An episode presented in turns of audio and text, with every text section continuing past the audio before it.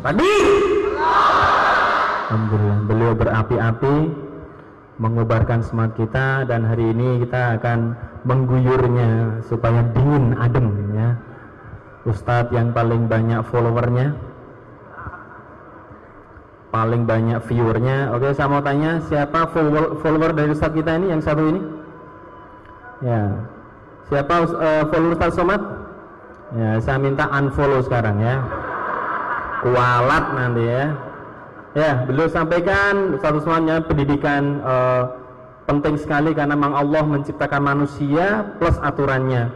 Ketika Allah memberikan cinta kepada manusia, maka Allah memberikan cara bagaimana mencurahkan cinta. Mau pacaran atau mau ta'arufan itu sudah berbeda ya. Yang pacaran itu tidak sesuai dengan aturan Allah yang ta'aruf kemudian nikah insya Allah sesuai ya. Mohon maaf kan ini kebanyakan jomblo ya kita bahasnya yang begituan ya. Dan tidak bisa kedua-duanya dicampur ya. Antara wahyu dengan nafsu nggak bisa dicampur. Kenapa? Ya nanti talbisul hak bil batil hak dan batil dicampur jadinya batil.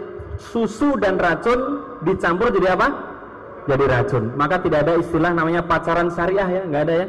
Pacaran syariah ya. Pacarannya bukan malam minggu, ya, tapi malam Jumat gitu ya.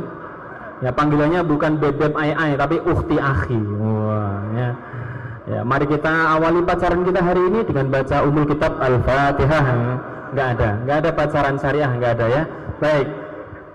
Kita akan kemudian mendengar motivasi dari beliau ya dari Ustadz Abdul Somad saya tidak akan panjang lebar karena kita akan benar-benar menikmati, mengambil pelajaran dan juga insya Allah moga-moga kita mendapatkan keberkahan dari apa-apa yang kemudian kita lakukan hari ini. Amin ya rabbal alamin. Kepada uh, Ustadz sejuta viewer ya, Ustadz Abu Somad, waktu dan tempat kami persilakan. Ustadz.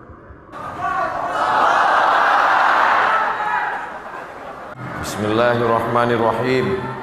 Assalamualaikum warahmatullahi wabarakatuh.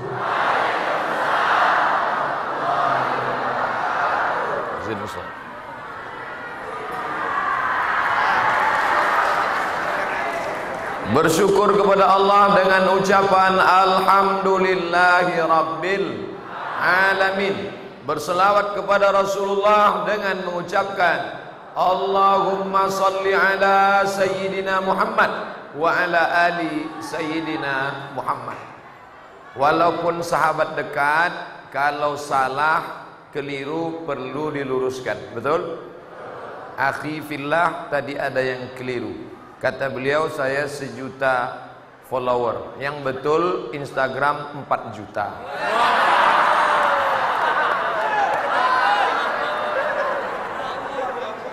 Nah, Islam itu di mana pun ngaji dengan ustadz siapa pun tidak akan keluar dari tiga. Pertama, akidah. Yang kedua, syariah. Yang ketiga, akhlak. Yang pertama, akidah. Yang kedua, syariah. Yang ketiga, akhlak. Akidah itu keyakinan tentang Allah, tentang malaikat, tentang sorga, tentang neraka, tentang titian seratul mustaqim, tentang azab kubur, itu akidah. Yang kedua syariah, syariah itu fikih, solat, zakat, puasa, haji, pinjam meminjam, hutang, gadai, mudharabah, murabahah, bank Islam. Sedangkan akhlak itu adalah budi pekerti sabar, ridho, tawakal, kona'ah. Ada ustadz ceramah. Pengajian kita malam ini adalah tentang sabar. Kira-kira masuknya mana? Akhlak. Sabar itu akhlak. Kalau anak kita dilarikan orang sabar. Bini kita dilarikan orang sabar. Itu bukan sabar, bodoh. Jelas. Malam ini pengajian kita tentang cara berwudu menurut mazhab Hanafi, Maliki, Syafi'i. Kemana masuknya? Syariah, halal, haram, makruh, mubah, batal, syarat, rukun, wajib, sunat, sunat muakkad. Sedangkan sekarang kita sedang mengaji Bagaimana pengawasan Allah Walaupun kau dalam WC Kau sedang dikontrol oleh Allah Mana pembahasannya? Akidah Nah, mana yang lebih dulu? Akidah atau syariah? Akidah Alladzina yuqimuna salah Orang yang mendirikan salat wa yunfiquna mimma razaqnahum wa mimma razaqnahum yunfiqun. Mereka berzakat salat zakat. Tapi baca ayat di awalnya. Allazina yu'minuna bil ghaib. Percaya kepada yang ghaib. Yang disembah ini siapa? Ghaib. Allahu akbar. Yang mencatatnya siapa? Ghaib. Inna alaikum lahafizin kiraman katibin. Balasannya surga ghaib. Maka orang yang tidak berakidah ibadahnya diterima atau tidak? Tidak. Orang yang tidak berakidah akhlaknya sopan baik diterima atau tidak? Tidak diterima. Oleh sebab itu di situlah nampak penting di antara yang tiga. Akidah syariah akhlak di antara yang tiga ini. Mana yang terpenting akidah. Nanti saya menyampaikan materi sampai jam 11. Dari jam 11 ke jam 12 tanya jawab, tulis di kertas. Sampai jam 12 tutup, jam 12 ke jam 12.16 berwudu, habis itu sholat zuhur berjamaah. Setelah itu baru acara makan bersama di rumah masing-masing. Nah, jangan cerita makan, fokus dulu. Ini perlu saya jelaskan karena banyak di antara jamaah tidak jelas mau dibawa ke mana hubungan ini. Maka saya jelaskan dari awal sampai jam 11, habis itu tanya jawab, habis itu berwudu. Tiba-tiba ada satu anak muda selesai pengajian dia pulang. Pas ditanya, kau nggak sholat? Yang penting akidah kita benar. Kira-kira orang ini benar tak akidahnya? Tidak. Karena bukti akidah benar pasti so solat, bukan somat. Pasti solat. Maka tanamannya akidah, buahnya syariah. Buah daripada akidah yang benar, maka dia pasti akan bersyariah. Kalau ada orang katanya akidahnya benar, tapi nabungnya di bank konvensional, benar tak akidahnya? Tak benar maka dia syariahnya mesti benar. Beralihlah ke bank syariah. Dah selesai satu iklan. Ada hakim di Pekanbaru. Ada hakim di Pekanbaru.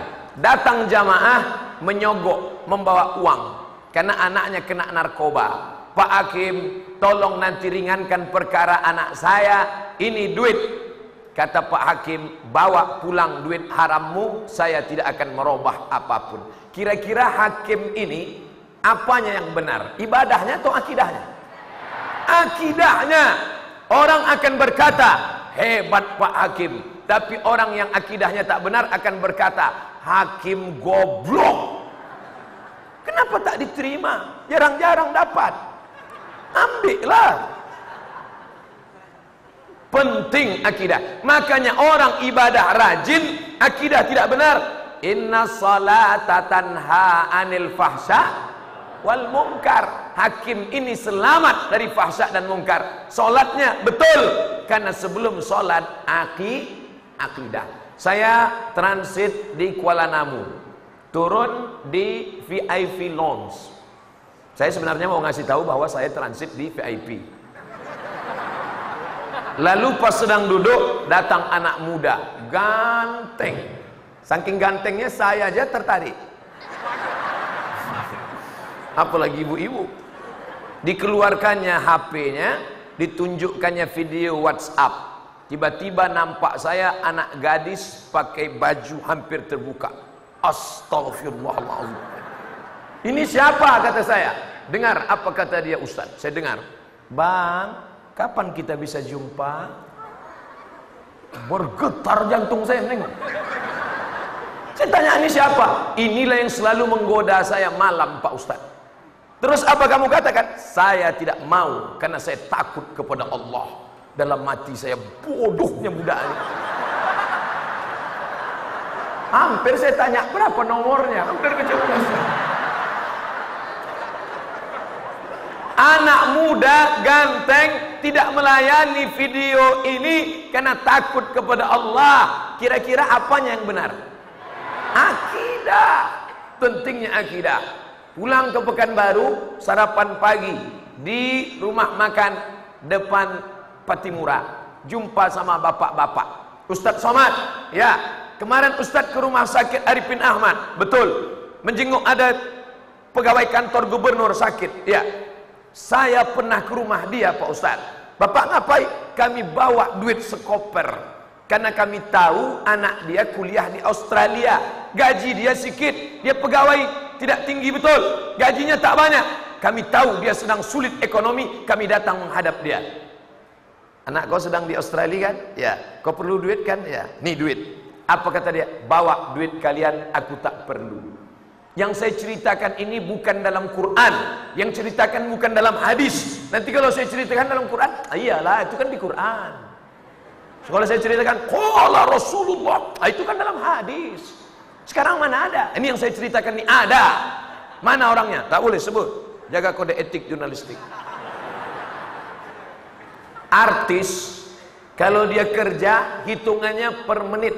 Satu menit berapa? Satu episode berapa? Kalau dia ada di MC pembawa acara, per detik hitungannya. Belum lagi Assalamualaikum, baru as. Tapi mereka milih-milih. Kalau acaranya ada buka aurat, tak terima. Kalau sinetronnya tidak mendidik, tak terima. Kalau penyanyinya tidak betul-betul, tak terima. Karena sekarang ada orang bajunya panjang, tapi resleting tak berpasang. Dia tidak terima. Kira-kira artis-artis yang begini ini apanya yang kuat? Duitnya sudah banyak. Akidah. Karena kalau duit sudah banyak, manusia tidak akan pernah puas.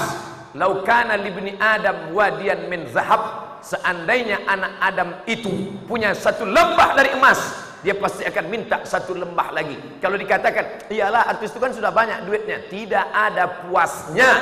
Kalau tak percaya, tanyalah sama mereka. Sedang dekat ini. Oleh sebab itu maka akidah. Kalau ada ustad, gayanya tenang, menunduk, tidak ada yang luar biasa. Kenapa? Karena memang ustad. Tapi kalau artis bisa menjaga diri dari artis-artis dari orang-orang cantik luar biasa. Saya sekali aja syuting di TV itu udah tak tahan saya. Ini kalau sering-sering ke TV ini sumbing iman gitu. Makanya ketika mereka minta, Ustadz bisa datang ke Jakarta? Tidak. Kalau mau rekaman, kalian datang ke Pekanbaru. Maka 30 episode sahur, 30 episode berbuka, itu rekamannya di Hotel Arya Duta Pekanbaru. Baju aja ganti-ganti. Ganti, ganti, ganti. Saya sangka baju yang lima itu setelah acara ditinggal. Rupanya dibawa orang itu balik.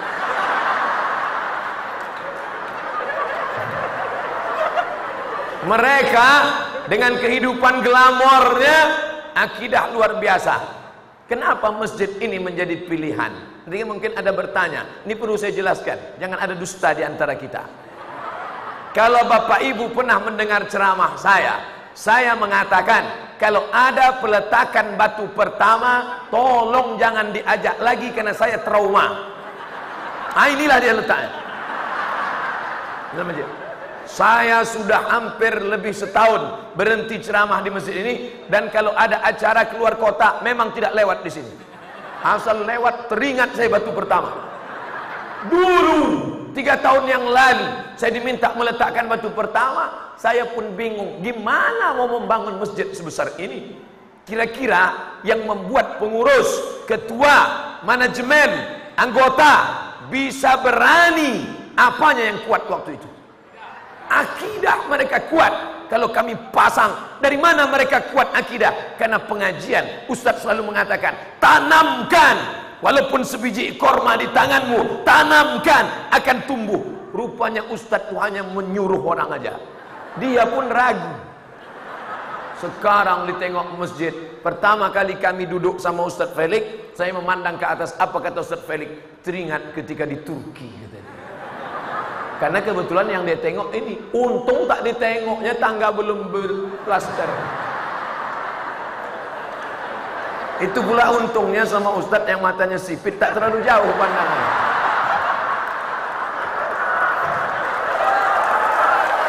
Masya Allah, tabarakallah. Ada orang sanggup menyediakan kue kotak sebanyak 5000 itu kue kotak yang di depan ibu bapak 5000 gratis tidak diharapkan akan dibayar akan balik modal 5000 disebar kotak Kira-kira apa yang kuat? Akidah bahwa dia yakin dan tidak minta apa-apa. Tadi waktu dalam ruangan Ustaz Somad, ini orang yang menyumbang kue kotak 5000, permintaannya cuma satu, berfoto aja. Saya begitu dibilang 5000 foto. Berarti kalau tiga kali foto 15. Saya tidak ada pakai ayat, tak ada pakai hadis, tapi Alhamdulillah itu yang dikatakan Syekh Mustafa As-Sibai.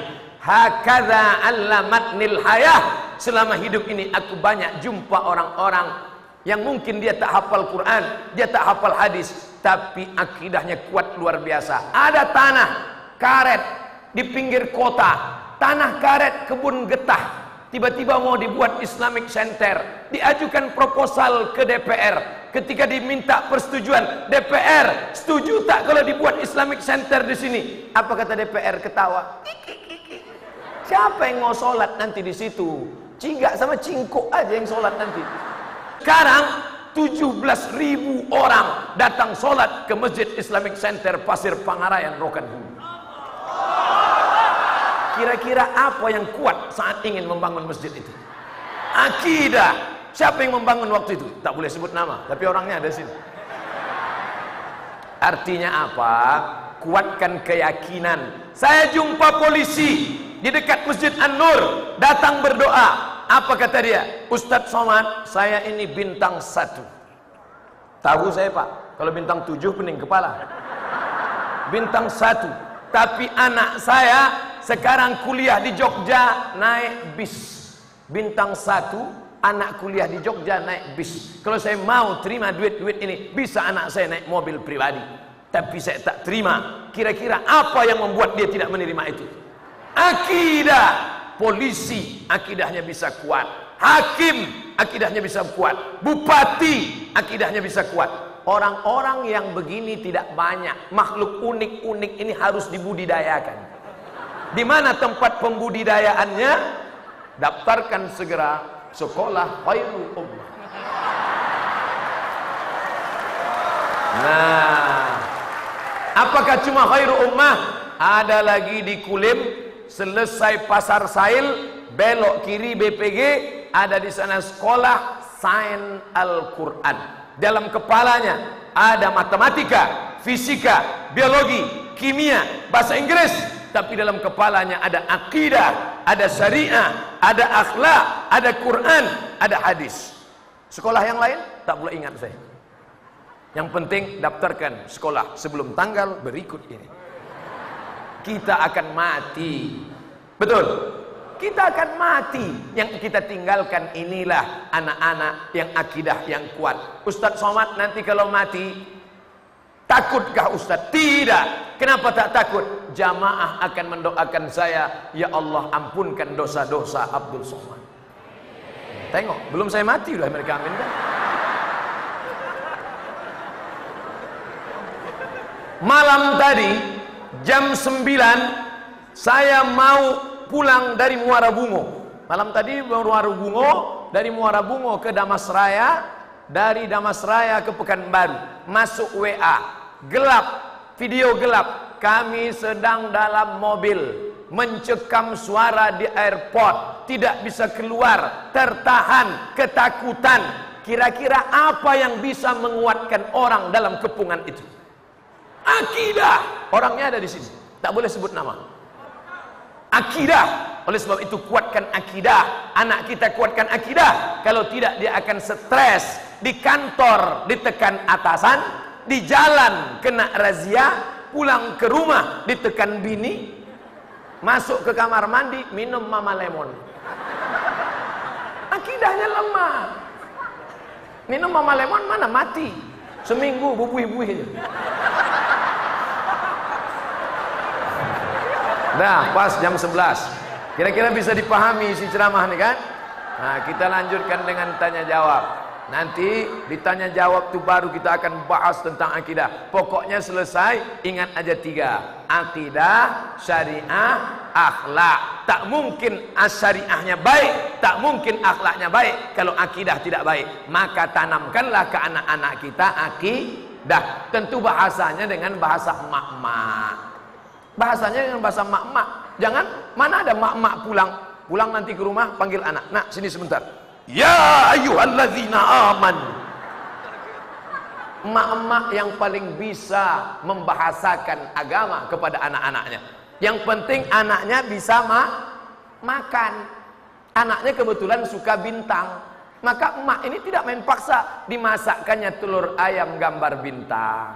Nah, tengok bintang, bintang, bintang. Ah, ah, ah. Ah. Bintang. Ada lagi maknya lain. Dia tak pandai masak telur ayam gambar bintang. Kasih duit. Mas kan ya. Nanti satu suap seribu. Ah. Kalau agak besar seribu lima ratus. Nah inilah anak-anak calon koruptor. Dah. Tapi ada satu lagi ibu yang tegas. Kalau yang tadi main pujuk, makan ya nak, makan ya nak. Satu lagi main pujuk pakai duit, makan ya nak. Satu lagi enggak, pakai pistol. Makan, kau tak makan, kau tembak. Caranya berbeda, tapi yang ingin disampaikan supaya anak ma makan. Bagaimana anak ini akidahnya benar? Ingat saya waktu kecil dulu, pulang ke rumah bawa mobil-mobilan. Senang betul dapat mobil di jalan. Begitu mau pulang ke rumah langsung tanya, dari mana dapat? Dari jalan tadi mak. Punya siapa? Tak tahu punya siapa. Ini rezeki dari Allah. Balikkan ke tempat kau dapat tadi. Kalau tak kau balikkan, nanti dia akan besar di akhirat dan kau akan memikul itu di akhirat. Terbayang kita busdamri mikul. Jadi ibu tidak pakai ayat. Jangan nanti pulang ke rumah anak-anak kumpulkan assalamualaikum pakai bahasa ibu. Ternyata bahwa yang kita curi itu akan kita pikul di akhirat bukan buatan-buatan emak-emak. Memang ada hadisnya dan ayatnya. Mana ayatnya? Wa may yaghlul siapa yang curang ya'ti bima dia akan memikul kecurangannya hari kiamat. Dijelaskan hadis nabi kalau kau curang zakat kambing kau akan memikul kambing mengembek. Kalau kau curang zakat Onta, kau akan memikul onta sambil bersuara. Rupanya ada dalam hadis dengan bahasa mak-mak, bahasa i, bahasa ibu. Ibu bicara, masuk ke otaknya, masuk ke tangkai jantungnya, masuk ke sumsumnya. Sampai sekarang saya tak berani melakukan itu karena terekam dalam kepala saya. Dia akan besar dan saya akan memikulnya. Bukan cuma mikul kambing, bukan cuma mikul bis. Nanti di akhirat ada orang yang memikul Toyota Avanza plat merah yang curang-curang. Masih keren kalau mikul Avanza. Ada yang mikul bakwan. Yang dulu sekolah makan tiga bayar satu. Ada pula mikul salah lawa. Ketahuan. Nah, ikonan curang mas. Dah, kira-kira bertambah akidah kita setelah ini kan? Amin. Terima kasih. Kita lanjutkan tanya jawab sampai jam 12. Habis itu kita siap-siap salat zuhur. Terima kasih. Mohon maaf banyak silap salah. Wassalamualaikum warahmatullahi wabarakatuh.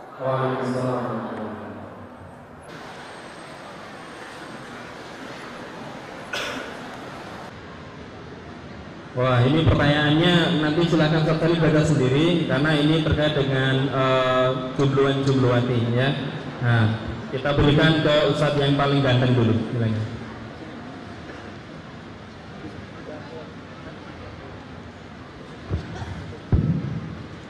Dibaca tak? Pertanyaan baik. Assalamualaikum warahmatullahi wabarakatuh. Waalaikumsalam warahmatullahi wabarakatuh. Semoga sehat dan oleh Allah. Amin. saat anak mau tanya, bolehkah orang tua memaksa anak gadisnya untuk menikah dengan pilihan orang tua yang tidak dicintai oleh anaknya? Masya Allah. Bukan karena agama melainkan hartanya, karena ini anaknya hidup tidak susah. Surah Wassalamualaikum warahmatullahi wabarakatuh. Ini kayaknya curhat ini kayaknya. Baik teman sekalian, masya Allah saya tadi masih uh, masih terngiang-ngiang tadi adik kita tadi Agus tadi ya. Dia baru pacaran enam bulan aja pengakuan sampai nangis-nangis ya, masya Allah. Uh, padahal ibu-ibu kan sudah tahu ya bahwa cinta itu ada tiga yang paling besar ya. Satu cinta seorang uh, cinta seorang bunda pada anaknya, yang kedua cinta Allah pada hambanya, yang ketiga cinta fitri ya. Ada Ya enam bulan aja, dia sampai nangis-nangis kalau Udah suruh ngomong cinta apa yang terjadi dia Masya Allah. Enggak, sorry. Nah, itu adalah sedikit gambaran saja, Masya Allah. Itu artinya adalah orang yang merasa bahwa dirinya itu bermaksiat lalu kemudian bercucuran air mata Masya Allah. Kita minta mudah-mudahan adik kita ini mendoakan kita semua. Mudah-mudahan kita termasuk orang-orang yang juga diselamatkan oleh Allah. Baik. Baik sekarang masalah tentang cinta. Jadi misalnya jadi gini orang tua itu memberikan saran bagi anaknya yang menjalani pernikahan itu adalah anaknya Artinya ada satu titik tertentu di mana ketika kita memang sayang dengan orang tua, orang tua mau kebaikan uh, untuk anaknya, salah satu pernikahan, uh, sorry, salah satu syarat yang dikatakan manis atau aminkum bil Siapa yang di antara kalian memang sanggup untuk menikah, yang dimaksud kesanggupan adalah segala sesuatu yang menjadi konsekuensi ketika orang itu sudah nikah. Termasuk di situ adalah bagian daripada harta Makanya ada empat hal yang dipertimbangkan dalam pernikahan. Yang pertama adalah agama, yang kedua adalah nasab, yang ketiga adalah harta, yang keempat adalah yang keempat adalah penampilan, wajah dan seterusnya. Nah, tapi kata Rasulullah pilihlah karena agama. Andaikan orang ini agamanya sama-sama bagus, tapi salah satu lebih kaya daripada yang lain maka wajar ketika orang tua minta sama yang hartanya lebih banyak kenapa? menurutnya lebih bisa menjamin tapi kalau andaikan semua pertimbangan ini dilihat daripada agamanya yang punya harta tapi tidak punya agama lalu kemudian menyerahkan pada orang yang tidak punya agama ini sama saja bunuh diri nah, kenapa? karena pernikahan itu tidak cukup karena harta oke coba lihat terus sekalian uh, siapa yang masih jomblo? mana yang masih jomblo? Yang masih jomblo tangan. Oke, sekarang saya tanya. Yang laki-laki dan yang perempuan saya mau tanya sama perempuan. Mau yang setia atau mau yang selingkuh? Benar. Laki-laki selingkuh banyak atau tidak? Berapa persen? 100 Berapa persen? 100 persen Kenapa cowok-cowok banyak selingkuh? Karena memang cowok-cowok pengen untuk punya lebih daripada satu maka ketika diteliti berapa persen cowok mau selingkuh, jawabannya adalah tiga di antara dua laki-laki mau selingkuh. Mau sekalian. Berapa? Tiga di antara dua. Pertanyaannya, apa yang membuat laki-laki ini bisa setia? Oke kita lihat. Pertanyaannya, apa yang membuat laki-laki bisa setia? Contoh misalnya, istri yang cantik. Pasti nggak kalau istrinya cantik lantas laki-laki setia? Belum tentu. Artis-artis setia atau tidak? Cantik. Banyak yang selingkuh? Banyak. Berarti cantik cukup atau tidak? Tidak cukup. Kalau andaikan harta itu bisa menjamin pernikahan, maka orang kaya pernikahannya semuanya sukses. Tapi apakah orang kaya menikah semuanya sukses? Belum tentu. Makanya pertimbangan paling utama adalah agama. Kalau ada orang tua punya pertimbangan yang lain, negosiasi. Pahamkan mereka. Gimana caranya? Contoh sedikit. Saya pas mau nikah, saya kasih kemudian foto calon istri saya pada ibu saya. Ibu saya mau terima nggak mau pokoknya lah kenapa? Alasannya dua. Satu dia bukan orang Cina. Dua dia kerudungan dan ini pertimbangan agama atau tidak? Bukan. Karena ibu saya maunya yang Chinese juga yang nggak kerudungan maka saya bilang sama ibu saya kenapa? Dia jelaskan seluruh alasannya saya kemudian nego sama eh, sama ibu saya. Ibu saya nggak mau nanti dinego saya bilang mendingan saya nggak usah nikah saja. Dan kenapa? Karena kalau saya nikah dengan tidak yang satu keyakinan tidak yang satu visi maka ini sama saja sama saja pernikahannya jadi masalah. Dan kenapa? Karena pernikahannya tidak satu visi. Di Amerika ketika saya datang ke Amerika banyak pernikahan yang gagal. Gara-gara apa? Gara-gara mismarriage nikah karena nafsu. Awalnya mereka sama-sama tidak beragama karena itu mereka nikah setelah mereka nikah yang cewek tobat lebih mendekat pada agama. Lama-lama apa yang terjadi? Cowoknya nggak mau tobat, lama-lama perempuan galau. Ustaz, kami pengen diimami Ustaz. Ustaz, kami pengen seorang laki-laki bertanggung jawab Ustaz yang ngajarin anaknya akidah Ustaz. Nah ini bermasalah. Kenapa? Karena visinya tidak sama. Nah jadi kalau ada kasus yang seperti itu, negosiasi bareng orang tuanya dan jangan dengan cara yang kasar. Kebanyakan kita dengan cara yang kasar. Datang pada orang tua. Ibu tahu tidak? Yang benar itu berdasarkan agama bukan berdasarkan harta ibu matre ya kalau matre masuk neraka. Ya mati lah kita kenapa? karena coba berdua-dua sama ibunya pergi ke satu tempat lalu bilang ibu makasih. Saya sangat berhutang sama ibu. Sudah mendidik saya jadi orang yang baik. Saya nggak akan bisa jadi begini kalau bukan tanpa ibu. Dan saya pengen agar saya ini menjadi jalan ibu untuk masuk surga. Nah kenapa saya pilih yang ini? Karena dia beragama. Kalau dia beragama saya bisa masuk surga bareng-bareng dan bisa menjadi jalan ibu juga untuk masuk surga. Kira-kira ibunya dengar atau enggak insya Allah lebih dengar. Negosiasi sama ibunya. Pertimbangan pertama adalah pertimbangan agama bukan etnis bukan bukan selainnya kalau misalnya mau lagi coba tanya sama ibunya ibu pas nikah sama bapak sudah kaya atau masih miskin sudah kaya atau masih miskin saya yakin semua orang nikah nggak ada yang mapan kenapa? Karena mapan itu setelah nikah, bukan sebelum nikah. Makanya kalau jomblo-jomblo gak akan ada sakinah. Karena sakinah itu datangnya daripada Allah setelah pernikahan, baru sakinah. Maka kalau ada seorang jomblo, cewek nanya, Ustaz kami pengen cowok yang mapan. Yang mapan ada nih, yang di depan nih, mapan semua. Oh. Karena sudah nikah. Kalau jomblo itu gak mapan, goyang terus nih. Oh. Kenapa? Karena belum nikah, belum nikah sepuluh ilaiha. Walau Assalamualaikum warahmatullahi wabarakatuh. Ya, baik tadi ada uh, teman yang mau nanya di antara uh, yang di depan ini kata mau nanya silahkan ini mau tes semua nih juga di depan. Ya. mau tes mau pacaran. Ya ini dia mau testimoni terlalu banyak isi katanya ya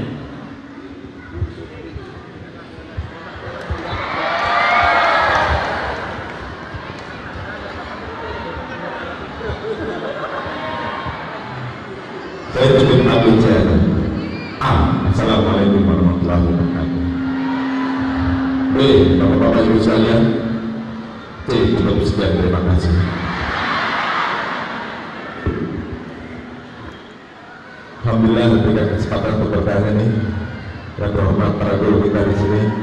Tadi pertanyaan ini idenya ketika Ustaz Felix menceritakan mengenai kancil tadi. Ternyata saya pikir-pikir bahwa pendidikan masa kanak-kanak itu jauh dari akidah. Contohnya dari lagu. Lagu apa namanya? Anak-anak nih. Pada hari minggu duduk ayah ke kota naik delman istimewa duduk di muka nggak sopan. Muka didudukin. Nggak ada adab. Terus naik kereta api tuk tuk tuk. Siapa yang turun ke Bandung Surabaya? Bolehlah naik dengan percuma. Nggak jujur nggak bayar. Benar kan?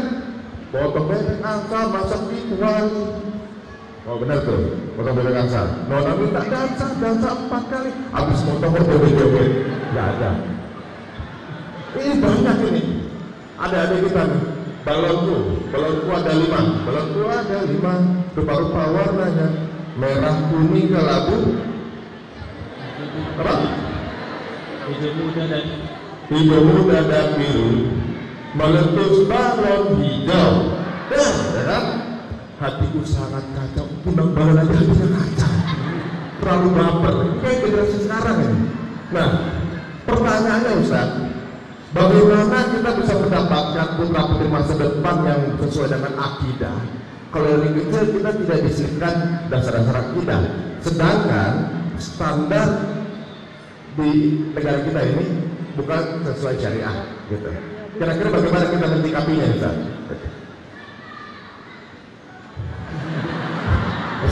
Warahmatullahi wabarakatuh. Iya.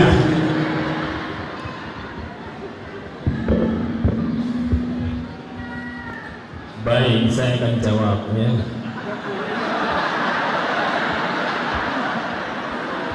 Perhatikan buka surat Al-Baqarah 34 pojok kanan atas ya. Baik. Silakan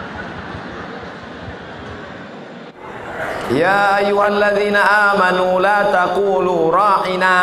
Hai orang beriman jangan katakan ra'ina wa qul unzurna wasma'u, tapi gantilah kata unzurna wasma'u. Islam tidak melarang tapi memberikan alternatif. Ini haram, ini lagu tidak mendidik, ini lagu tidak benar. Yang benar mana? Maka insya Allah sahabat-sahabat artis kita akan menciptakan lagu-lagu yang benar. Sementara mereka mencipta lagu, maka nyanyikan aja lagu yang mendidik dulu.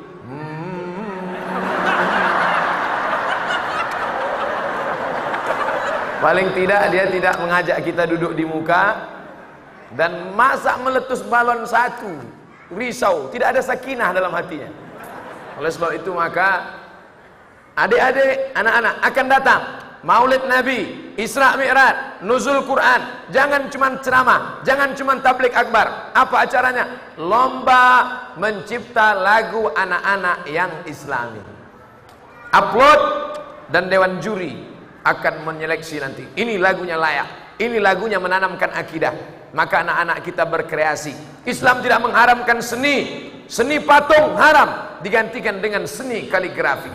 Seni musik yang maksiat haram tapi digantikan dengan musik yang islami. Alhamdulillah sudah tampil para penyanyi-penyanyi yang islami yang religius yang mendekatkan akidah kepada kepala anak-anak kita insyaAllah. Ditambahkan oleh Ustadz Felix Yau jadi ibu sekalian dan bapak sekalian mendidik tentang mendidik anak-anak kita dengan akidah Islam tadi kunci ada tiga. Jadi dari awal dekatkan mereka dengan ulama karena ini penting sekali. Kalau mereka mengenal ulama maka mereka mengenal adat yang betul mereka mengenal bagaimana cara mengakses ilmu yang betul. Imam Ahmad bin Hambal ketika punya kajian, maka yang datang itu bisa puluhan ribu. Tapi yang bawa catatan itu cuma 100-200 orang yang di depan saja. Sementara yang lainnya cuma lihat di belakang, mengamati yang ada di depan, mengamati caranya berjalan, mengamati caranya minum, mengamati caranya berbicara. Cuma itu saja. Kenapa? Karena pembelajaran akhlak ini lebih terdahulu daripada pembelajaran ilmu ada orang dikasih ilmu nggak punya adab malah jadi bahaya malah jadi fitnah. Ada orang kemudian sudah punya adab maka insya Allah dimudahkan ilmunya daripada Allah subhanahu wa ta'ala. Yang pertama ulama. Penting sekali. Dekatkan mereka dengan ulama. Alhamdulillah sekarang banyak sekali ustadz-ustadz yang sudah disukai oleh anak-anak. Nah, ustadz somat jangan kan anak-anak. Kucing pun suka. Masyarakat kucing itu itu tidur atau lihat jadi masya Allah. Nah, jadi ini adalah kemudian yang pertama. Yang kedua saya tegaskan lagi sejarah. Jadi seorang ibu ini harus pintar mendongeng buat anak-anaknya. Harus pintar mengisahkan buat anak-anaknya. Karena menurut penelitian yang ada di Inggris kisah-kisah itu diingat anak-anak sampai mati. Jadi kisah-kisah itu diingat anak-anak sampai mati. Berarti ibu-ibu harus cari kisah-kisah yang islami dan menceritakan pada anak tanpa ibu sadari dia sudah simpan di sini. Dan dia akan jadi referensi berbuat sampai dengan dewasa sampai dengan dia mati. Ada kejadian mau lawan atau mau kabur itu tergantung cerita ibu-ibu sekalian. Ada kejadian tertentu mau jujur atau mau kemudian fasik semua tergantung dengan cerita ibu-ibu itu. Nah, yang kedua, sejarah, perbanyak sejarah. Yang ketiga, Al-Quran. Kalau ada Al-Quran, insya Allah aman anak-anak kita mulai dengan menyukai, lalu kemudian mulai membaca, mulai menghafalkan, lalu kemudian mulai untuk bertadabur dengan Al-Quran tadi, insya Allah Al-Quran itu akan membimbing anak-anak kita untuk ke arah yang benar insya Allah. Jadi ini di zaman sekarang memang agak sulit, tapi harus dimulai dengan sekarang. Yang kedua, jangan sendiri-sendiri mulainya, mulai secara berjamaah. Ini adalah pesan yang pengen kita kirim ke seluruh Indonesia, bahkan kita kirim ke seluruh dunia, bahwasanya orang-orang itu kalau berbuat baik jangan sendirian. Nah ini artis-artis datang berjamaah. Mana para ustadz ngirim berjamaah. Nah ini kemudian kita coba kirimkan pada orang-orang jangan berbuat baik sendirian tapi berbuat baiklah berjamaah. Kenapa?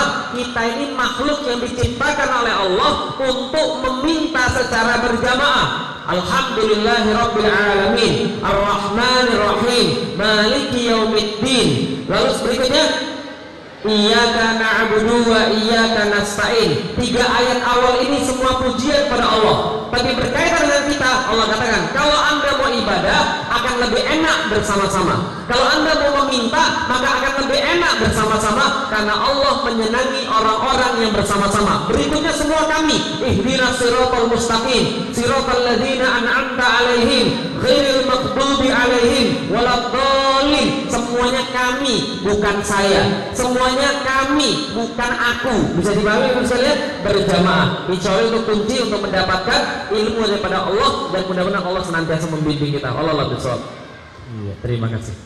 Baik, berikutnya di tangan Ustaz Somad sudah ada segepok uh, pertanyaan. Nah, kita akan dengarkan jawaban-jawaban uh, dari dulu. Silakan Ustaz. Saya menjawab ini sampai selesai. Nanti waktu kita ada dilanjutkan Ustadz Felix. Anak saya lima tahun. Dia bertanya kepada saya mengapa Allah tidak nampak. Cara yang paling jitu supaya dia jangan nanya lagi, jangan nanya-nanya. Banyak tanya masuk neraka. Tapi dalam kepalanya terus akan bertanya dan tidak puas. Oleh sebab itu jawablah dengan bahasa anak-anak. Kenapa Tuhan tidak nampak? Coba bernapas, hembuskan. Tarik. Nampak? Tidak. Sedangkan ciptaan Allah saja tidak nampak, apalagi Allah yang menciptakan. Itu dari matahari ada keluar cahaya ultraviolet, membuat warna kulit berubah, Nampak? Tidak. Sedangkan ciptaannya saja tidak nampak. Apalagi dia yang maha menciptakan. Tentu dengan bahasa ibu. Pilihan diksi kata yang sesuai dengan usianya. Ibu lebih pandai. Kalau ibu tidak pandai, operasi kelamin jadi bapak-bapak. Mengapa Allah itu besar? Allah itu besar. Mana dia? Kalau memang Allah itu besar. Cari gubernur yang kurus.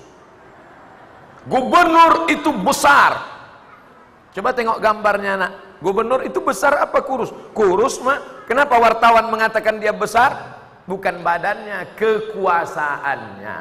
Kenapa Ustadz kasih contoh gubernur? Nanti saya cerita presiden tersinggung.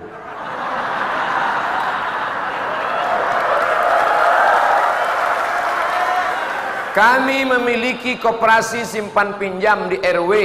Setiap yang minjam potong 10%. Uang potongan nanti di akhir tahun dibagi bersama-sama. Apa hukumnya? Riba berjamaah. Berhenti, stop, keluar. Tapi kami sudah persatuan bagus. Bagaimana merubahnya menjadi syariah? Adakan simpan pinjam syariah. Cara membedakannya bagaimana? Kalau untung dapat untung bersama, kalau rugi ditanggung rugi bersama. Bedanya dengan riba, untung bersama, kalau rugi tanggung sendiri. Robah jadi bank syariah atau alihkan ke koperasi syariah. Saya kerja di sebuah kafe menyediakan live musik yang saya tahu musik itu haram. Jadikan kafe syariah. Beda antara tempat laki-laki dan perempuan. Minumannya tidak ada minuman yang haram. Apa minumnya? Super God. Susu kambing. Apa makanannya? Bakery roti. Dijamin telur ayamnya dicuci dulu Baru dipecah. Jangan yang tidak halal. Ambil telur ayam, tuh, ambil telur ayam, tuh, ambil telur ayam. Bersatu antara tangan yang basah dengan adonan tepung Sementara telur ayam tidak dicuci. Telur ayam keluar dari LC Lubang ciri ayam. Tapi Abdul Somad LC bukan lubang ciri Musiknya musik islami. Tidak ada lagi lagu-lagu yang tidak mendidik. Ini lagu-lagu mengajak berbuat zina. Apa lagunya? Cinta satu malam. Apa lagunya? Selimut tetangga. Coba lagu yang islami.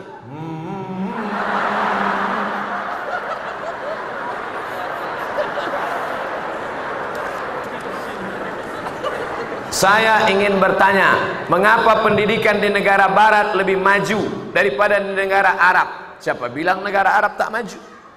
Lihat-lihat dulu Arabnya. Arab mana yang tak maju? Arab-Arab cemas, Arab maklum. Saudi Arabia maju, Mesir maju, tapi Barat maju kenapa? Pertama, mereka mengalokasikan dana untuk pendidikan luar biasa. Australia memberikan beasiswa untuk Indonesia 100 orang. Anak kita sekolah bayar. Ustaz Somad kenapa kuliah sampai jauh di Maroko? Kenapa tidak S2 di tempat kita saja?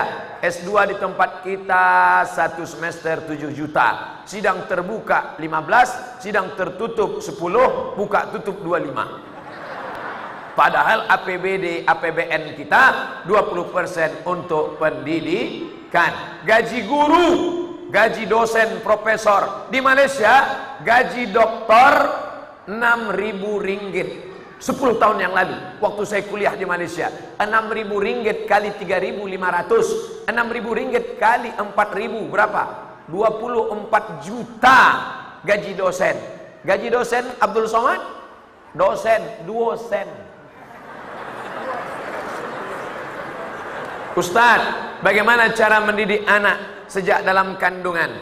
Kata kiai kata kiai kamu hamil ya? Ya baca banyak-banyak surat Yu, Yusuf supaya apa? Supaya iman anaknya akidahnya kuat macam akidah Nabi. Eh si ibu salah paham. Disangkanya anaknya akan lahir ganteng macam Nabi Yusuf. Begitu lahir tengok PKI. Pendek kecil hitam. Akhirnya komplain sama kiai. Pak kiai, katanya kalau baca surat Yusuf anaknya ganteng. Tapi kiai tidak emosi. Suami sampean mana? Datang suami, iya pantas.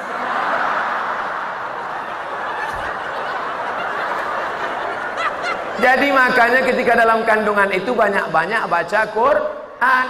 Ibu hamil tua sambil masak. Bismillahirrahmanirrahim. Ar-Rahman. Allamal Qur'an. Maka anaknya di dalam sudah mendengar. Ini sekarang ibu-ibu enggak sambil masak. Datang suami di belakang. Ah. Ustadz, apa boleh jika kita ngefans sama artis? Boleh. Mana artisnya? Tuh. Apa salahnya? Cuman jaga-jaga juga pegang tisu jangan sampai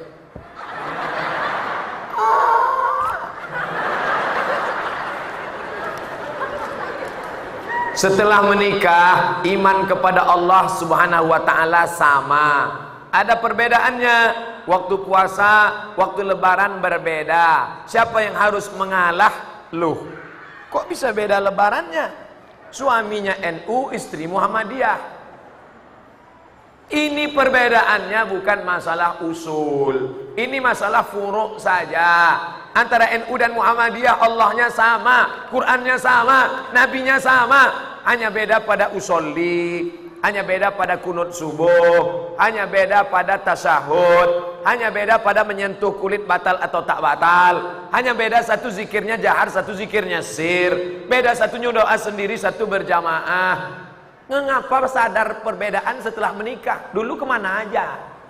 Makanya sebelum itu harus bicara baik-baik, duduk bersama. Musa dengan Perempuan yang dia nikahi anak Su'aib itu kenalannya tidak lama. Bagaimana Musa dengan anak Su'aib? Ketika Musa sedang bersandar di pohon, dia lihat ada orang ngantri ngambil kain, ngambil air. Musa datang. Kata Musa, "Kenapa kalian ngantri lama?" Air di sumur ini kami lama ngantri. Kenapa? Karena lubangnya kecil, ada batu bergelinding dari atas. Didorong Nabi Musa, akhirnya pintu sumur lebar, perempuan yang di belakang dipanggil ladies first. Perempuan itu mengambil air. Setelah itu perempuan itu pun membalas budi Musa kamu sudah menyediakan kami air maka kami ingin membawa engkau ke rumah ayah kami. Akhirnya Musa berjalan di belakang perempuan itu di depan. Musa melihat perempuan di depan angin bertiup kencang. Perempuan kalau kainnya ditiup angin nampak lekuknya. Musa maju ke depan. Begitu perempuan zaman dulu nunggu angin bertiup baru nampak lekuk. Sekarang nggak ada angin pun nampak. Maka ketika ketemu dengan Su'aib Su'aib berkata aku ingin mencari pengembala kambing. Apa kata anaknya Inna khaira man ista'jartal qawiyul amin. Kalau mau mencari pekerja, carilah sifatnya dua. Pertama, al-qawi, kuat. Yang kedua, al-amin, amanah. Bapaknya curiga, kamu sudah pacaran berapa lama sama dia? Kamu kenal sudah lama? Baru tadi kenalan. Kok tahu dia kuat? Karena aku lihat dia mendorong, membantu orang lain. Kok tahu dia orangnya amanah? Waktu kami jalan dia di belakang, tapi dia tidak mau melihat aurat kami, dia pindah ke depan. Dalam satu perjalanan, kita sudah tahu sifat orang. Ini pacaran dua tahun, ngapain aja? Dua tahun kenalan, bul, omong kosong semua, bohong, tipu-tipu semua. Oleh sebab itu, buanglah mantan pada tempatnya. Itu judul buku. Oleh sebab itu maka kenal baik-baik kamu NU, saya Muhammadiyah. Nanti kalau kita menikah kira-kira gimana nih? Deal or no deal? Oh tidak. Oke kalau gitu kamu cari NU, saya cari Muhammadiyah. Nanti yang kedua baru kita ketemu lagi. Tentu tidak. Paham, mengerti. Ini bukan beda agama, ini beda masalah furuk, masalah cabang, bukan masalah aki. Lagi-lagi akidah, syariah, akhlak. Berbeda masalah akhlak. Biasa, Berbeda masalah syariah, biasa. Tapi kalau sudah masalah akidah, bisa kita terima? Tidak. Ada lagi? Bagaimana pahala orang yang membantu biaya mak-mak yang belajar tahfiz Quran sampai anak-anak itu jadi hafiz Al-Quran. Seorang anak muda meninggal di belakang makam Ibrahim pakai kain ihram di sujud terakhir ini kematian yang paling indah dan tidak bisa direquest. Di dalam Masjidil Arab, di belakang makam Ibrahim, pakai kain ihram, sudut terakhir dalam solat tempat paling afdal. Datang orang ke rumah orang tuanya. Bu, anak ibu itu amalannya apa? Saya tidak tahu. Solatnya biasa saja. Dia bukan ustaz, dia bukan kiai, dia biasa saja. Ternyata setelah seminggu meninggal, datang janda membawa anak janda ini mengaku anak ibu memberi sepertiga gajinya untuk biaya anak-anak kami jadi nanti kalau ada bapak meninggal tiba-tiba datang janda itulah tanda husnul khotimah ternyata sedekah diam-diam kepada anak yatim dan janda pahalanya luar biasa tapi nanti kalau bapak yang mau memberi, bapak yang beri, yang ngantar ibu. Jangan bapak yang ngantar. Nanti janda atau cantik berkelahi pula. Kertas terakhir. Apakah uang pensiun yang diterima selamanya dianggap haram? Pensiun itu adalah gaji ketika kerja yang disimpan oleh negara akan dibayarkan setelah meninggal dunia. Maka itu tetap bagian dari pekerjaan kita ketika menjadi PNS. Kenapa Ustadz bela PNS? Karena saya PNS. Bagaimana kalau penghasilannya hanya uang pensiun saja? Maka uang pensiun itu halal karena itu bagian dari pekerjaan kita, baik BUMN, ASN PNS ataupun perusahaan swasta. Apa solusinya? Tak ada masalah, ngapain perlu solusi? Masalah itu kalau ada solusi karena ada masalah. Atasi masalah tanpa masalah, pegadaian syariah. Terima kasih segala perhatian. Mohon maaf segala kekhilafan. Kita masih ada waktu, kita lanjutkan. Baik, tadi ada yang mau tanya ke uh, Ustaz Khalid, silakan Ya. Apa motivasi belajar agama Islam dari dulu hingga sekarang? Uh, jadi ini loh sekalian. Uh, ketika saya masuk dalam agama Islam, ada satu hal yang nggak bisa saya nafikan, ada satu hal yang nggak bisa saya hilangkan dari kepala saya. Apa yang saya bisa hilangkan? Ada satu pengetahuan Allah itu pasti ada.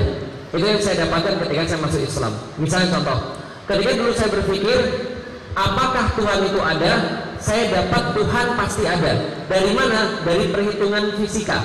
Jadi ada seorang ahli fisika ketika dia ngitung tentang alam semesta ini, dia dapat kemungkinan Tuhan tidak ada atau seluruh dunia itu tercipta secara kebetulan itu sama seperti ada angin puting beliung lewat ke tempat apa namanya pembuangan sampah setelah selesai dia lewat angin puting beliung itu jadi pesawat Boeing 737 mungkin atau tidak? nggak mungkin. Maka dari situ saya yakin Tuhan pasti ada. Dan ketika saya mikir Tuhan itu namanya adalah Allah. Tahu dari mana? Al-Quran. Intinya adalah ketika saya belajar Al-Quran yang saya dapatkan Al-Quran pasti benar Al-Quran pasti ada. Maksudnya Al-Quran semua yang dikatakan adalah pasti ada maka termasuk yang ada di dalam Al-Quran adalah surga dan neraka. Kira-kira kalau surga sama neraka yang kepikiran dulu surga atau neraka dulu? Surga atau neraka dulu kalau saya kepikiran neraka dulu. Dan ketika saya kepikiran neraka itu karena itu pasti benar karena berita itu kan pasti benar. Berita itu kan adalah sesuatu yang nyata. Kalau saya saya pikirin pertama adalah neraka dulu bukan surganya dulu. Lalu kenapa? Neraka itu yang paling ngeri apanya bisa lihat? Yang paling ngeri apa? Siksanya. Siksa yang diceritakan di dalam di dalam neraka yang paling ngeri ya? Bagi saya bukan. Bagi saya yang paling ngeri di dalam neraka itu adalah bahwa di sana selama lamanya ada kata-kata labithina fiha ahqaba khalidina fiha abadan dan seterusnya. Itu yang paling ngeri bagi saya. Lah kenapa? Kata selama-lamanya itu nggak bisa saya bayangkan. Lah kenapa? Orang itu kalau dia mendapatkan satu hal yang nggak enak yang dia hibur untuk dirinya adalah nggak apa-apa sebentar lagi selesai. Di dalam hidup ini senggak enak-enaknya hidup kita kita tinggal mikir kalau sudah mati selesai makanya orang banyak mau bunuh diri supaya masalah hidupnya selesai. Tapi kalau neraka itu nggak ada selesainya itu yang ngeri. Bisa dipahami dulu sekalian? Bahkan kalau usah disiksa suruh nunggu nggak ada selesai itu itu juga siksaan sendiri. Nah maka ketika saya takut betul akan yang terjadi siksa itu inilah jalan saya satu-satunya dakwah. Lah kenapa? Karena kita bukan nabi kita bukan syuhada kita belum syuhada yang satu-satu yang bisa kita lakukan adalah berdakwah karena siapa tahu dari dakwah ini ada orang yang tercerahkan, ada orang yang kemudian tersadarkan apa yang dia amalkan, dia ikhlas bisa menutupi apa pun yang kita tidak ikhlas. Maka bagi penulis kayak saya itu yang paling menyenangkan apa? Yang paling menyenangkan bukan duit, bukan tahta, bukan kekuasaan. Tapi kalau ada orang bilang, Alhamdulillah Ustaz, semenjak saya baca buku Ustaz, saya putus pacaran, lalu senang sekali saya. Lalu apa? Bisa jadi orang ini bersaksi nanti di akhirat bahwa saya ada kontribusinya di dunia. Ini motivasi saya yang paling besar. Takut masuk neraka. Gak mutu banget takut masuk neraka. Gak apa-apa. Waliman khafa maqama rabbih jannata. Bagi orang-orang yang takut pada kemudian Tuhannya ada kemudian dua dua surga bagi dia. Insya Allah. Maka takut pada Allah ini motivasi saya yang paling besar. Kalau surga itu motivasi yang lain, tapi utamanya adalah neraka. Yang kedua, dunia. Saya pengen untuk jadi kenangan baik pada anak-anak saya. Ini yang memotivasi saya untuk belajar. Ini yang memotivasi saya untuk tidak melakukan sesuatu yang tidak bermanfaat. Contoh, kadang-kadang di antara cowok-cowok itu ada yang suka melakukan perkara-perkara yang nggak guna. Contoh misalnya apa? Nonton film porno misalnya. Perkara-perkara maksiat. Yang saya pikirin begini, kalau ada orang yang nonton film porno itu punya anak, kira-kira gimana pendapat anda? Pas anda lagi nonton film porno tiba-tiba mati, anak anda lihat, apa aku mati nonton film porno? Kira-kira gimana ceritanya? Rela atau nggak kira-kira begitu? Maka saya menjawab itu daripada maksiat-maksiat kayak begitu. Maka saya menulis buku untuk apa? Supaya anaknya tahu bapaknya siapa dan kalau saya sudah mati, anaknya tahu harus berbuat apa. Itu motivasi saya yang kedua. Untuk anak-anak saya, saya pengen diingat baik oleh anak-anak saya. Saya pengen ketika anak perempuan saya dewasa, kemudian dia ditanya, pengen nikah sama yang kayak gimana? Dia jawab, pengen nikah dengan orang kayak bapak saya. Itu berhasil. Ketika anak saya ditanya jadi kayak apa? Pengen jadi kayak bapak saya. Nah, itu motivasi saya di dunia. Agar anak-anak saya itu tahu siapa bapaknya dan mau beraktivitas seperti bapaknya. Jadi ada motivasi akhirat, ada motivasi dunia. Insya Allah kalau itu kita jalani, insya Allah kita akan terus menerus berkembang dan tidak akan pernah cukup dengan satu hal. Allah Allah Ya, terima kasih Rasul Berikutnya Pak Usman tadi ada pertanyaan tentang bagaimana membangun uh, pendidikan berbasis akidah. Baik. Assalamualaikum warahmatullahi wabarakatuh. Waalaikumsalam warahmatullahi wabarakatuh. Ustaz, bagaimana cara memperbaiki diri sendiri dengan standar berbasis akidah Islam? Apa kiatnya? Uh, saya pahami bahwa diri uh, strategi pendidikan Islam adalah membentuk akliyah dan nafsiyah atau membentuk kepribadian Islam atau disebut dengan saksiyah Islamiyah. Jadi ada akliyah, ada nafsiyah. Akliyah itu pola pikir, nafsiyah itu pola perbuatan. Dua-dua ini harus berbasis akidah Islam. Namun kalau kita lihat mana yang lebih mempengaruhi, perbuatan kepada pemikiran atau pemikiran kepada perbuatan. Biasanya pemahaman seseorang itulah yang e, mempengaruhi perbuatan seseorang. Ketika dia meyakini bahwa babi itu haram, ketika dihadapkan di depannya daging babi dan disebutkan, saat itu juga dia bisa muntah. Kenapa? Karena perilaku dia dipengaruhi oleh keyakinannya. Bagaimana dengan orang yang meyakini babi halal? Disodorkan babi langsung enak sekali ini. Ini perilakunya itu dipengaruhi oleh pemahamannya. Maka dengan demikian, bagaimana kita merubah diri kita? Yang pertama adalah merubah pemahaman kita. Dan pemahaman ataupun perbuatan itu ada dasarnya, ada landasannya. Landasan pemahaman yang kalau mau berubah kepada yang pasti benar adalah landasan pemahaman yang benar. Apa itu pemahaman yang benar? Yaitu berlandaskan, landasan artinya akidah, berlandaskan Islam. Jika pemikiran kita satu persatu kita perbaiki, apa saja? Misalnya kita memandang tentang tadi tentang uh, misalnya tentang musik, kita perbaiki sesuai akidah Islam. Nanti ada perilaku seputar musik seperti apa kita memahami tentang pergaulan, kita pahami dengan akidah Islam, bagaimana konsep pergaulan dengan berbasis akidah Islam. Maka ketika pergaulan kita pasti akan terpisah. Begitu lain sebagainya. Jadi jika kita ingin merubah diri kita dengan berbasis akidah, pertama pemahaman kita harus dirubah. Apa yang dirubah? Dasar pemahamannya. Apa dasarnya? Akidah Islam. Semua pemikiran pemahaman kita wajib disandarkan kepada akidah Islam. Setelah berubah pemikiran akan melahirkan pemahaman, pemahaman akan melahirkan suluk sebuah perbuatan. Sehingga perbuatan kita juga kita atur dengan akidah Islam. Demikian. Assalamualaikum warahmatullahi wabarakatuh. Waalaikumsalam warahmatullahi wabarakatuh. Bapak sekalian, luar biasa. Uh, ada beberapa titik uh, yang kalau kita lihat di masjid ini ada yang masih bolong-bolong, uh, ada yang masih mungkin belum sempurna dan siapa tahu uh, ada di antara kita bahkan bukan ada di antara insya Allah semuanya ini pengen bahwa nanti kita di hadapan Allah punya amal yang mengalir abadi. Maka insya Allah akan ada penggalangan dana untuk masjid ini. Mungkin bisa dipandu uh, oleh uh, Ustadz Somad memberikan motivasi untuk bersegera menyelesaikan Assalamualaikum warahmatullahi wabarakatuh. Bapak Ibu yang mau kekal abadi amalnya sampai mati menghadap Allah, maka selesaikanlah tangga-tangga dan menara-menara yang sengnya masih kelihatan ini. Berapapun yang kita berikan, inilah bukti akidah kita benar. Karena orang yang memberikan hartanya hilang, yang mewakafkan tanah ini hilang. Padahal ini tanah ini strategis, pusat kota, tapi hilang.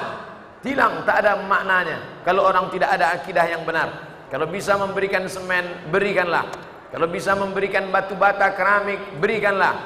Datang ke Pak Ketua, Pak Al-Makmis SHMH. Ustadz Somad hanya nyuruh-nyuruh saja ceramah-ceramah. Dia sendiri pun tak memberikan. Nah, saya lupa pula buat dompet. Nah, mana empat orang? Panggil empat orang, pegang um, umpat sudut sorban ini, putarkan ke bawah ke sana.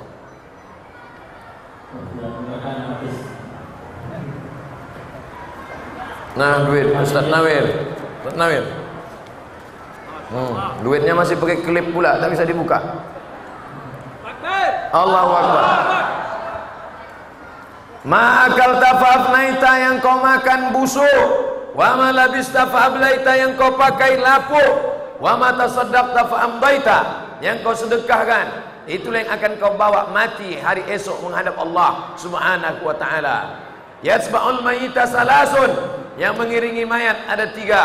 Mal harta wa ahlu keluarga semuanya tinggal yang tinggal cuma satu wa yabqa wahidun wa amaluhu itulah yang akan kita bawa menghadap Allah Subhanahu wa taala Bapak Ibu yang dimuliakan Allah itulah yang dapat saya sampaikan mudah-mudahan bermanfaat terima kasih